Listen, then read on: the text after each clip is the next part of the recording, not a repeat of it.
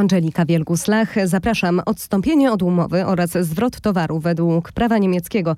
Najczęściej zadawane pytania przez polskich sprzedawców transgranicznych. Prawo niemieckie w praktyce.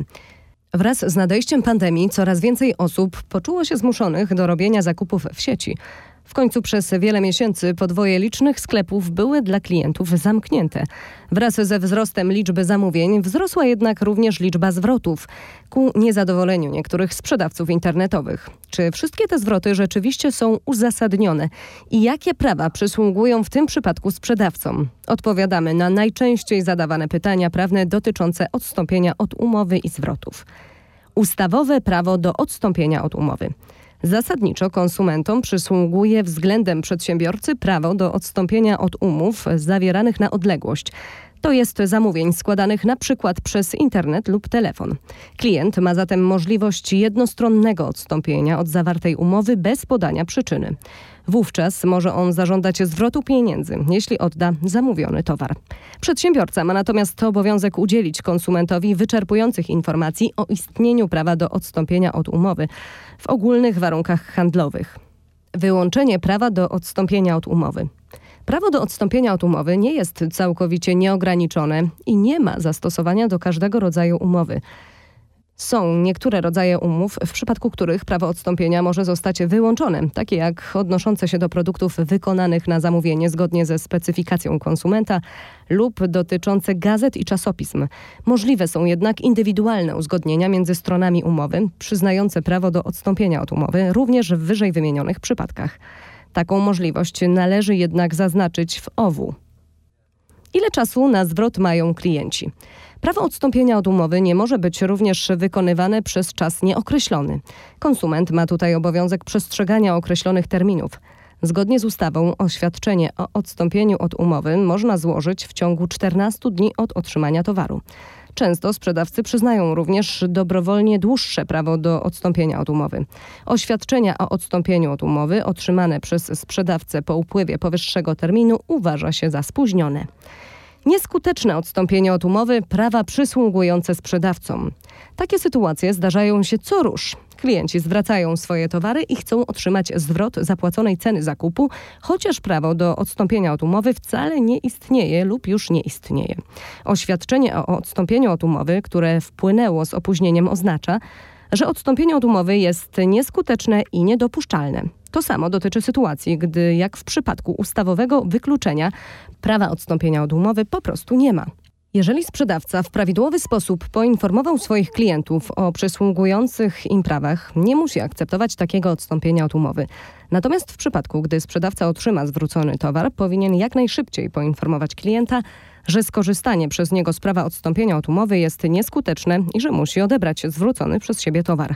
Jeżeli w związku z tym dojdzie do ponownego powstania kosztów wysyłki, ponosi je konsument.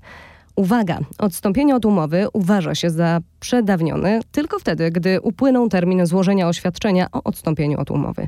Jeżeli oświadczenie zostało złożone w terminie, a jedynie zwrot towarów nastąpił po upływie obowiązującego terminu, odstąpienie od umowy nie jest nieskuteczne i musi zostać uznane przez sprzedawcę za dopuszczone. Jakie zasady obowiązują w przypadku zwrotu towaru używanego? Odpowiedź na to pytanie może być nie w smak dla wielu sprzedawców, ale cóż zrobić? Zwrot towaru używanego, a może nawet zabrudzonego lub uszkodzonego, nie wyłącza prawa do odstąpienia od umowy. Mimo, że są to dla sprzedawców sytuacje irytujące, nie upoważniają ich do nieuznania odstąpienia od umowy klienta. Taki scenariusz nie pozbawia jednak sprzedawcy całkowicie jego praw. W przypadku spełnienia określonych warunków może on zażądać od klienta odszkodowania. Jak wygląda sytuacja prawna w przypadku braku oryginalnego opakowania? Podobny problem pojawia się, gdy towar jest zwracany bez oryginalnego opakowania. Jeśli towar został zapakowany w zwykły karton wraz z opakowaniem produktu, konsument na opakowanie zewnętrzne przesyłki zwrotnej może wybrać inne opakowanie. Sytuacja jest jednak inna, jeśli opakowanie stanowi decydujący element towaru, jak na przykład opakowanie prezentowe na biżuterię.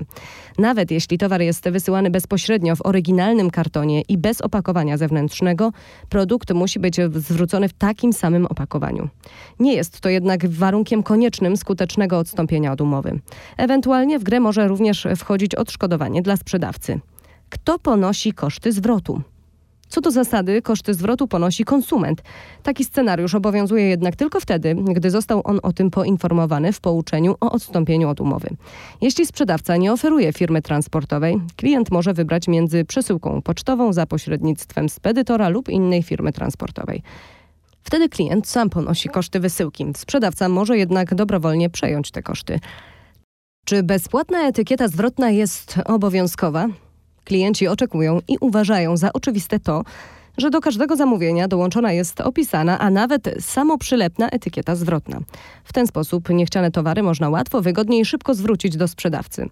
Trudno o łatwiejszy sposób dokonania zwrotu przez klienta. Jednak to, co sprzedawcy traktowali początkowo jako nieodłączną część usługi, obecnie jest przez niektórych likwidowane. Teraz o przesłanie etykiety często trzeba najpierw poprosić.